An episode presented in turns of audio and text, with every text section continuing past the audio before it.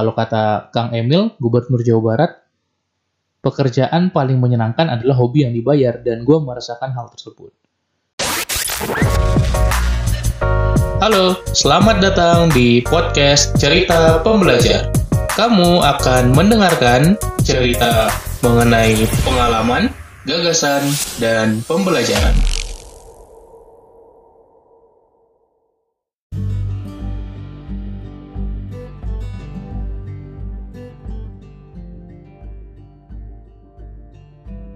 Halo Sobat Pembelajar, kembali lagi di podcast Cerita Pembelajar Season 7 The Story Behind. Gue bakal cerita tentang pengalaman-pengalaman gue Bagaimana gue melakukan sesuatu mencapai sebuah kesuksesan Dan gue akan hanya cerita pucuknya saja, puncaknya saja Tapi gue juga bakal cerita apa yang ada di balik itu. Banyak banget yang bertanya ke gue sekarang ini Bang, gimana cara kita menemukan passion? Gimana kita tahu life purpose atau tujuan hidup kita? Bukan hanya teman-teman followers yang baru join lah menjadi seorang sobat pembelajar. Jadi gue nyebut followers gue sobat pembelajar. Tapi juga teman-teman gue dulu yang ketika melihat diri gue sekarang tentu berbeda dengan diri gue ketika kuliah dulu. Tapi banyak banget yang mulai nanyain, teman-teman gue yang dulu minta Mar call dong telepon dong gue mau ngobrol nih. Gue pengen nyari passion gue merasa bosan dengan kerjaan gue sekarang. Gue pengen nyari life purpose. Terus gue bilang loh kenapa ini? Kenapa gue menjadi uh, orang yang dianggap bisa tempat konsultasi passion? Gitu. Tapi ketika gue track back eh kayaknya benar juga deh. Gue dari awal sudah mulai paham passion dan purpose gue itu apa hmm, kayaknya boleh juga kalau gue sharing-sharing. Dan pada akhirnya beberapa bulan dan tahap beberapa tahun lah ya, satu dua tahun ke belakang, gue adalah orang yang sering sharing tentang passion, tentang purpose, atau kalau sekarang istilah kerennya ikigai. Dan itulah yang pingin gue sharing ke lo di episode kali ini. Tapi gue bukan cuma mau sharing tentang apa itu passion, tentang apa itu purpose, tapi bagaimana cara gue menemukan passion dan purpose gue. So, ini dia cerita di balik menemukan passion dan purpose. Cerita pembelajar season 7 The Story Behind Kita langsung mulai aja dari purpose gue apa sih sebetulnya dan passion gue juga apa. Yang menarik gue akan share dari passion dulu baru ke purpose passion gue adalah ngajar. Sesimpel itu. Tapi sebenarnya di balik ngajar, lebih tepatnya passion gue mengembangkan orang lain. Upgrade orang lain. Gue kasih tahu ini di awal supaya lu connect dengan cerita yang akan gue sampaikan. Sedangkan purpose gue untuk bisa terus upgrade orang ya, supaya orang itu jadi versi terbaik dirinya sendiri, supaya orang itu terus bertumbuh, supaya self development itu dirasakan oleh semua orang. That's my life purpose. Kita tahu purpose kita banyak supaya bisa bermanfaat bagi orang lain, supaya menjadi nilai ibadah juga, nilai ibadah juga di sisi Allah SWT dan banyak hal lain. Tapi kalau kita bilang supaya bermanfaat aja itu kurang jelas. Perlu lebih spesifik lagi tentang apa sih yang menjadi passion dan purpose kita. Oke, sebelum lo tambah bingung, gue bakal clearkan dulu passion dan purpose itu apa. Setidaknya ini menurut gue, setidaknya ini menurut apa yang gue pahami, apa yang gue pelajari.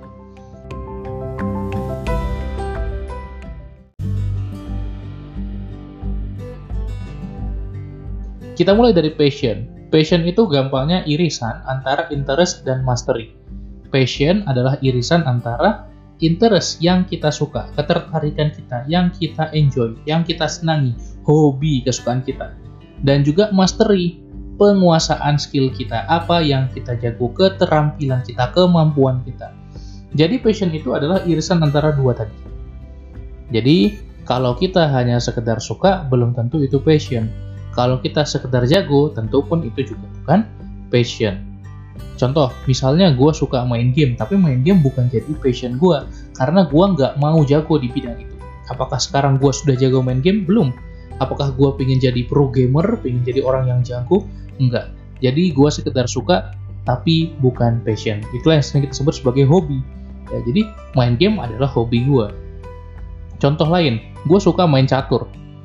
Tapi itu bukan passion gue karena gue nggak merasa mau jago di bidang itu. Ya supaya refreshing-refreshing aja, permainan-permainan refreshing. Jadi banyak banget yang bilang, Bang, kalau passion itu yang kita suka, tapi gue sukanya berbahan. Gue sukanya tidur, gue sukanya nonton drakor. Ya, apakah lu bisa jago di bidang itu? Jadi tidak cukup ya, passion itu bukan hanya yang kita suka saja. Dan by the way, kalau misalnya kita punya passion, kita melakukannya itu dengan joy. Joy itu adalah kegembiraan, bukan dengan pleasure. Ya, pleasure itu artinya kenikmatan. Ya, siapa yang nggak senang tidur-tiduran rebahan? Semua orang senang karena ada pleasure di situ, kenikmatan. Tapi yang kita mau betul-betul cari adalah joy, kegembiraan. Wah, kita benar-benar uh, senang gitu melakukannya, kita benar-benar into pekerjaan atau tugas tadi atau aktivitas yang sesuai passion tadi, kita masuk ke dalam kondisi flow istilah psikologinya, kita benar-benar mengalir gitu ya, kita lupa waktu, kita benar-benar uh, gembira melakukannya. Oke, jadi joy beda dengan pleasure. Nah, jadi kalau kita mau punya passion, kita harus pastikan passion kita itu suka dan berpotensi lah kita jago di bidang itu. Gak harus langsung jago dari awal, tapi kita berpotensi untuk jago. Nah, kenapa gue bilang ngajar itu passion gue? Karena gue seneng ngajar, sudah bertahun-tahun gue lakukan dan menurut gue itu belum berubah sampai sekarang, lebih tepatnya mengembangkan orang lain, dan juga gue merasa jago di bidang itu. Oke, okay? gue seneng ngajar, gue enjoy melakukan yang gue lakukan ketika gue ngajar di kelas, gue ngajar les privat, gue ngajar self development, gue enjoy melakukannya. Jadi ya udah itu gue lakukan dan gue lakukan sebagai sumber mata pencaharian juga gitu. Kalau kata Kang Emil, Gubernur Jawa Barat, pekerjaan paling menyenangkan adalah hobi yang dibayar dan gue merasakan hal tersebut. Nah, tapi nggak cukup hanya di pinter aja, sorry, nggak ya nggak cukup hanya pinter aja, tapi kita juga harus jago ngajar, ya kan? Kalau di passion ini, kalau di ngajar, kita harus juga jago penyampaiannya. Karena banyak guru yang pinter, tapi dia nggak jago ngajarnya. Nah, gue harus suka ngajar dan juga harus jago ngajar supaya passion gue ngajar. Gitu ya. Contoh lain, misalnya gue mampu bikin web, gue mampu IT dikit-dikit. Tapi gue nggak suka, gue nggak enjoy melakukannya. Akhirnya itu hanya sebagai skill. Oke, jadi kalau interest kita suka tapi nggak mastery, kita nggak jago, itu namanya hobi. Kalau kita jago tapi kita nggak suka, itu namanya keterampilan atau skill. Kalau kedua-duanya ini ada, kita suka dan kita jago, maka jadi passion. Nah, gue pengen clearkan dulu ini sebelum gue mulai cerita. Jadi emang ini agak panjang intronya, supaya nanti gue ceritanya enak. Oke, nah untuk purpose itu seperti apa, gue akan bahas di akhir. Jadi dari mana Bang Umar discover passionnya ngajar ini? Ini bermula ketika gua SMP sebetulnya. Tapi kalau di track back lagi pasti kita punya minat yang berganti-ganti kan dari kita sekolah sampai kita sekarang. Jadi ketika SD dulu, gue sempat pertama kali bercita-cita jadi arsitek. Gue pengen jadi arsitek karena gue seneng main The Sims dulu. Ya, The Sims dulu belum belum grafisnya bagus kayak sekarang gitu ya. Jadi The Sims itu adalah game simulasi yang kita bisa memainkan orang-orangnya yang tidak kerja beraktivitas. Tapi gue nggak suka simulasinya. Gue suka bangun-bangun rumahnya. Entah kenapa seru banget bangun-bangun rumahnya mikirin tata ruang tata letak eh, struktur rumahnya. Kemudian pintu di mana jendela gimana lighting dekorasi segala macam gue senang dan itu membawa gue kepo gitu ya kalau dulu tuh ada brosur-brosur ini ya brosur-brosur perumahan. Kan di situ ada denah-denahnya. Wah gue paham tuh oh pintu konvensi gambarnya kayak gini. Itu ketika gue SD jadi gue seneng banget tentang arsitektur ya udah oh fix nih gue jadi arsitek nih kayaknya. Naik lagi SD kelas 4 kelas 5 kelas 6 gue justru seneng banget dengan ini dengan bikin restoran ya. Jadi gue kebayang pengen bikin restoran sesimpel karena gue main game Diner Dash gitu ya. Sebenarnya kalau dulu gue terpaparnya dengan game ya udah gue senang dan pengen jadi yang ada di game itu. Nah gue pengen uh, menata oh restorannya kayak gini kayak gini. Gue coba ya ulik-ulik tapi ternyata gue nggak merasa mau jago di bidang itu. Jadi hanya senang-senang aja. Gue sempat juga senang wah kayaknya asik nih pertanian perkebunan gitu ya. Karena gue sempat main Harvest Moon dulu. Jadi nggak bener-bener gue ulik. Nah tapi ketika SMP di awal-awal itu gue sempat senang gambar ya. Senang gambar karena ada teman gue yang jago gambar gambar komik itu. Gue senang dan gue merasa oh kayaknya gue pengen ngulik ini. Tapi setelah gue coba terus terus terus ya udah gue nggak terlalu enjoy dan gue tinggalkan. Jadi salah satu pesannya adalah passion itu bukan kita tiba-tiba ketemu oh ini passion gue nggak kayak gitu. Bukan kita ikut talent mapping tes bakat oh bakat lo itu ini passion lo nggak gitu coy. Tapi passion itu kita harus testing, testing, testing, testing. Kita harus coba, coba, coba, coba. Gue menemukan passion gue setelah mencoba banyak hal sebelumnya. Nah, sampai di SMP kelas 3 lah, itu gue bikin sebuah klub, klub belajar UN namanya. Jadi, mirisnya di sekolah gue itu UN, kayak hampir semua orang itu pakai kunci jawaban. Wah, miris lah gitu ya. Dan SMP dulu masih masih idealis lah ya, belum mau main kunci dan sayangnya, ya sekarang udah ditiadakan UN ya. Tapi pada waktu itu UN atau ujian nasional, ujian akhir sekolah bukan. Setelah ujian akhir sekolah ada lagi ujian nasional ya. Untuk menandakan kita lulus SMP-nya atau enggak. SMA juga gitu. Jadi pada waktu itu kita mau UN karena kita udah akhir kelas 3 dan biasanya ada sesi-sesi persiapan, sesi-sesi bimbel sekolah lah. Jadi ada sesi-sesi les yang isi sebenarnya guru juga tapi itu untuk menyiapkan kita UN-nya bagus lah nilainya. Tapi gue yakin gue bisa dapat nilai bagus tanpa pakai kunci jawaban. Karena gue juga udah terbiasa backgroundnya gue kuat lah secara matematika IPA itu oke. Okay. tapi gue juga yakin ada teman-teman gue yang pingin UN tanpa kunci jawaban. Artinya pengen ikut ujian dengan jujur, tapi gue yakin dengan kemampuan mereka, sekarang itu gak bisa nilai UN yang bagus. Nah, dengan keresahan itu, gue bikinlah klub belajar UN, jadi kita sering ngumpul, gue coba ngajarin mereka apa nih yang mau kita bahas lagi gitu ya, gue ajarin, jadi kayak tutor apa ya, tutor sebaya lah istilahnya. Udah gue ngajarin teman gue, ngajarin teman gue, sesimpel itu aja. Dulu mah mana ada mikir, wah ngajar dibayar segala macam belum ada kepikiran itu gitu ya. Masa ngajar dibayar sih? Kan gue cuma ngasih ilmu gue ya itu yang gue pikirkan awal-awal masih SMP dulu waktu itu. Ya udah itu menjadi cikal bakal ketika di SMA gue bikin lagi hal yang serupa. Jadi long story short langsung aja ke SMA itu di kelas kelas 2 kelas 3 lah ya. Itu gue merasa gue cukup oke okay lah secara secara kemampuan akademisnya. Bukan berarti gue yang paling pintar di kelas enggak justru kalau di kelas di sekolah gue males. Ya cuma gue punya kesempatan untuk ikut bimbel dan di bimbel gue rajin. Jadi gue belajar banyak walaupun nggak banyak kerjain tugas-tugas di sekolah. Ya di sekolah gue cenderung malas sebenarnya karena gue merasa banyak tugas-tugas yang nggak terlalu perlu dikerjakan gitu ya.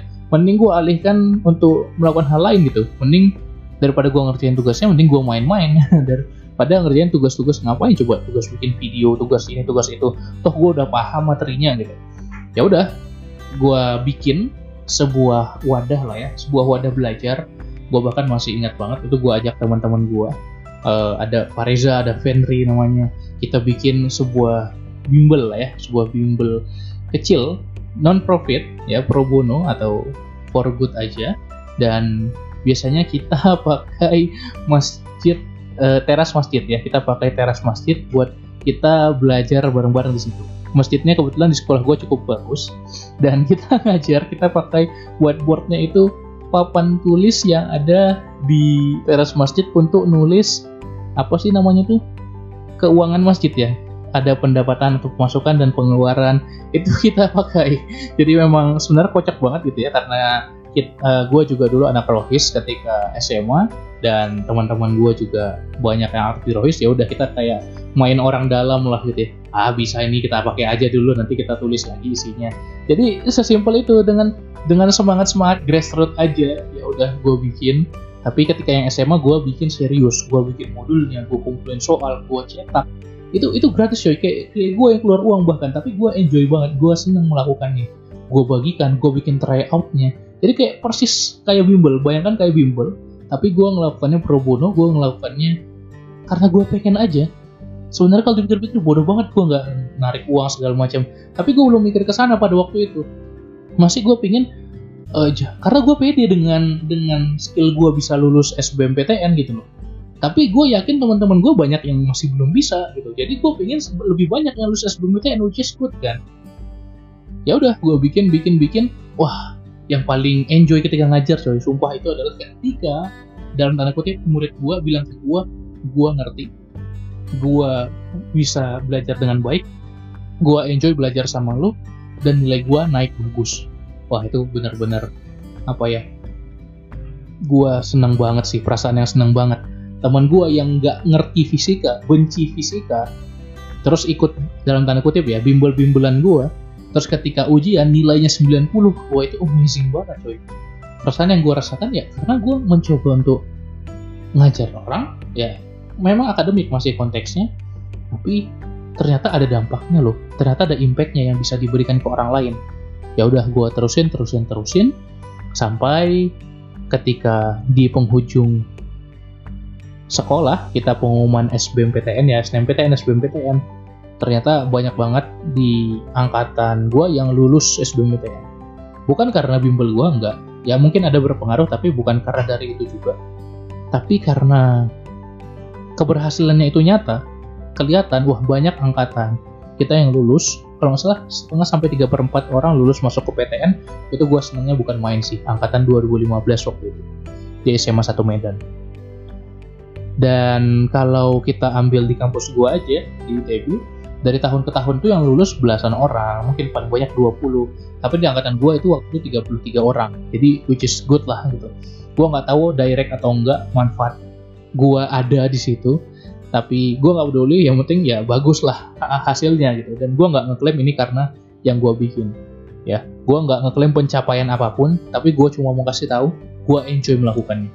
Dan itu adalah ciri-ciri passion Nah, di situ mulai terbentuk lagi passion gue ngajar, passion gue ngajar, gue benar-benar meyakini itu sampai ketika gue mau kuliah nanti, gue pengen merantau, gue udah menanamkan dalam pikiran gue, nanti ketika kuliah gue harus ngajar.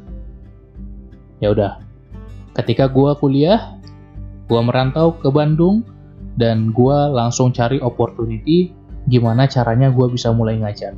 Dan itulah saat pertama kali gue ngajar profesional gue datang ke rumah murid ngajarin les privat gue dibayar karena itu. Terus gue kaget kan eh bisa gini ya? Bisa dibayar ya? Maksudnya kan gue cuma ngajar ngasih ilmu gue gitu. Uh, ya mungkin mereka bayar dengan waktu gue lah sebetulnya. Tapi wah menarik juga gitu ya kita kerja dibayar berdasarkan apa yang kita suka. Wah ya udah gue lakukan terus gue lakukan terus. Sampai banyak ceritanya gue buka bimbel di semester 1, semester 2, semester 3 kayaknya udah pernah gue ceritain juga. Kemudian gue bikin wah banyak sih banyak hal lah yang gue bikin gitu ya. Gerakan-gerakan ngajar gue juga ikut apa namanya tuh ya rumah belajar. Rumah belajar jadi itu kayak ada bukan desa sih. Adalah dekat di kampus gue itu kayak ada pemukiman warga yang di situ kayak ada aula bukan aula sih. Apa sih? Ru bukan ruang serbaguna juga yang kecil kayak mes gitulah kayak ruang pengajian ada ruang pengajian dan di situ kita bikin gerakan mengajar untuk anak-anak yang membutuhkan setiap hari Sabtu sore. Nah, gue ikut kayak gitu juga. Kadang-kadang gue ikut gerakan mengajar yang desa segala macam. Gue ikutin. Ada juga gerakan mengajar volunteer gue ikutin. Jadi banyak sih. Gue mencoba men-testing, testing, testing, bereksperimen apakah memang benar mengajar ini passion gue dan ternyata dari semua yang gue lakukan gue enjoy. Ya udah, fix. Ini passion gue udah bener nih ngajar tapi hingga gue aktif di organisasi kepanitiaan kepengurusan gue sering masuk di bidang PSDM PSDM itu pengembangan sumber daya manusia. Gue mendiscover satu hal gue menemukan bahwa mengajar itu seakan-akan kerang mutiara. Yang kalau kita buka kerangnya ada satu mutiara di dalamnya. Jadi di dalam mengajar itu sebenarnya yang gue senang adalah upgrade orang, mengembangkan orang, bikin orang jadi versi yang lebih baik dan itulah yang gue lakukan sekarang. Gue sehari-hari yang ngajarnya sekarang nggak akademis lagi lah ya mungkin ada dikit tapi mainly lebih ke self development pengembangan diri itulah kenapa gue terjun ke industri self development personal growth atau terserah lu mau nyebutnya apa karena di situ gue bisa upgrade orang. Karena di situ gue bisa memberikan dampak dan lebih hebat lagi kalau kita bisa mengubah hidup orang. Apakah dengan sebuah kelas apakah dengan sebuah sesi coaching apakah hanya dengan konten-konten gue di Instagram atau konten podcast seperti ini, ternyata banyak yang merasakan manfaatnya. Dan kalau itu mengubah hidup satu orang aja, wah itu udah lebih dari cukup buat gue. Ya, pada akhirnya uang adalah bonus, ketenaran adalah bonus, jumlah followers adalah bonus, tapi pada akhirnya gue melakukan yang gue sukai, jadi gue nggak nggak apa ya nggak berhenti terus konten capek pasti ya capek secara fisik tapi nggak secara mental gitu loh. Karena gue enjoy melakukan yang gue suka. Dan makin lama makin lama tentu gue makin jago gitu. Ya contohnya kalau sekarang dah uh, mau ngobrolin tentang productivity tentang habit ayo gue jabanin gitu. Karena gue merasa udah mulai jago loh. Dibilang itu belum master belum jadi yang paling hebat enggak tapi uh, terus growing gitu ya terus bertumbuh. Gue naik level naik level naik level. Sama juga kalau gue melakukannya terus menerus ya gue makin lama makin deep makin suka makin suka makin suka. Akhirnya irisan kedua yang terpenuhi antara interest dan juga mastery. Antara apa yang kita suka dan yang kita jago oke itu tadi cerita gue menemukan passion tapi yang tadi gue janjikan di awal purpose-nya gimana? Nah purpose ini apa sih? Purpose ini adalah tujuan hidup. Gimana sih sebenarnya tujuan hidup? Kenapa perlu ada tujuan hidup? Jadi purpose adalah apa yang bisa kita terus lakukan ya dan purpose biasanya passion yang ada manfaatnya ke orang lain. Jadi gabungan antara passion dan manfaat ke orang lain itu adalah purpose. Nah, jadi kalau lo bilang, wah hidupnya supaya bermanfaat ke orang lain, oke orang lainnya ini siapa? Bermanfaatnya dalam hal apa? Dan karena passion gue ngajar, tidak sulit untuk menemukan purpose-nya tadi. Dan gue merasa hidup gue bermakna, meaningful, karena gue punya purpose-nya untuk mengupdate orang, untuk terus menumbuhkan apa ya self development di setiap orang supaya orang jadi pribadi yang lebih baik, lebih baik, lebih baik. Jadi tentunya itu bermanfaat buat orang lain. Nah sekarang PR lo, per purpose lo apa dari passion lo gitu. Kalau passion lo main gitar, apa yang bisa lo berikan ke orang lain dari situ? Apakah lo mengajarkan main gitarnya? Apakah lo membawakan lagu yang bikin orang semangat? Atau apa? Atau lo bikin sebuah karya yang bisa bermanfaat bagi orang? Anything. Jadi ada manfaatnya ke orang lain, orang lain itu nggak harus satu dunia ini kita manfaat secara global enggak juga bisa juga sederhana ke teman kita, ke lingkungan kita, ke keluarga kita. Jadi ada alasan kenapa kita hidup dan akhirnya hidup kita menjadi bermakna. Lebih mudah untuk kita menemukan purpose ketika kita sudah memiliki passion. Passionnya sudah ada, tinggal kita cari manfaatnya buat orang apa dan akhirnya itu menjadi purpose. Jadi kalau gua recap, passion gua adalah ngajar dan mengembangkan orang, purpose gua adalah bikin orang merasa terus bertumbuh. Bikin orang terupgrade, bertumbuh jadi lebih baik. Dan pada akhirnya yang ingin gue lakukan adalah gue ingin transform, ingin mengubah sistem pendidikan kita sehingga yang diajarkan itu adalah life skills, keterampilan-keterampilan hidup yang memang benar-benar diperlukan. Dan nggak perlu kita sistem sekolah yang berakhir setelah SMA, enggak. Kita semua perlu lifelong learning, pembelajaran yang berkelanjutan. Itu adalah visi gue, itu adalah my mission gitu ya kalau istilah orang perusahaan visi misi ya. Tapi gue simple menyebutnya aja purpose gue oke itu aja buat episode kali ini. Semoga ada yang lo pelajari. Semoga ada yang bermanfaat. Kalau lo suka dengan episode kali ini silahkan save. Uh, bukan di save sih di, di share ya. Save bisa sih di screenshot kali ya. Terus silahkan share dan tag gue kalau lo punya share di story at belajar produktif. Jangan lupa bagikan juga ke temen lo kalau ada masukan jangan lupa DM gue di at belajar produktif dan kita jumpa lagi di episode berikutnya besok. Terima kasih, salam pembelajar.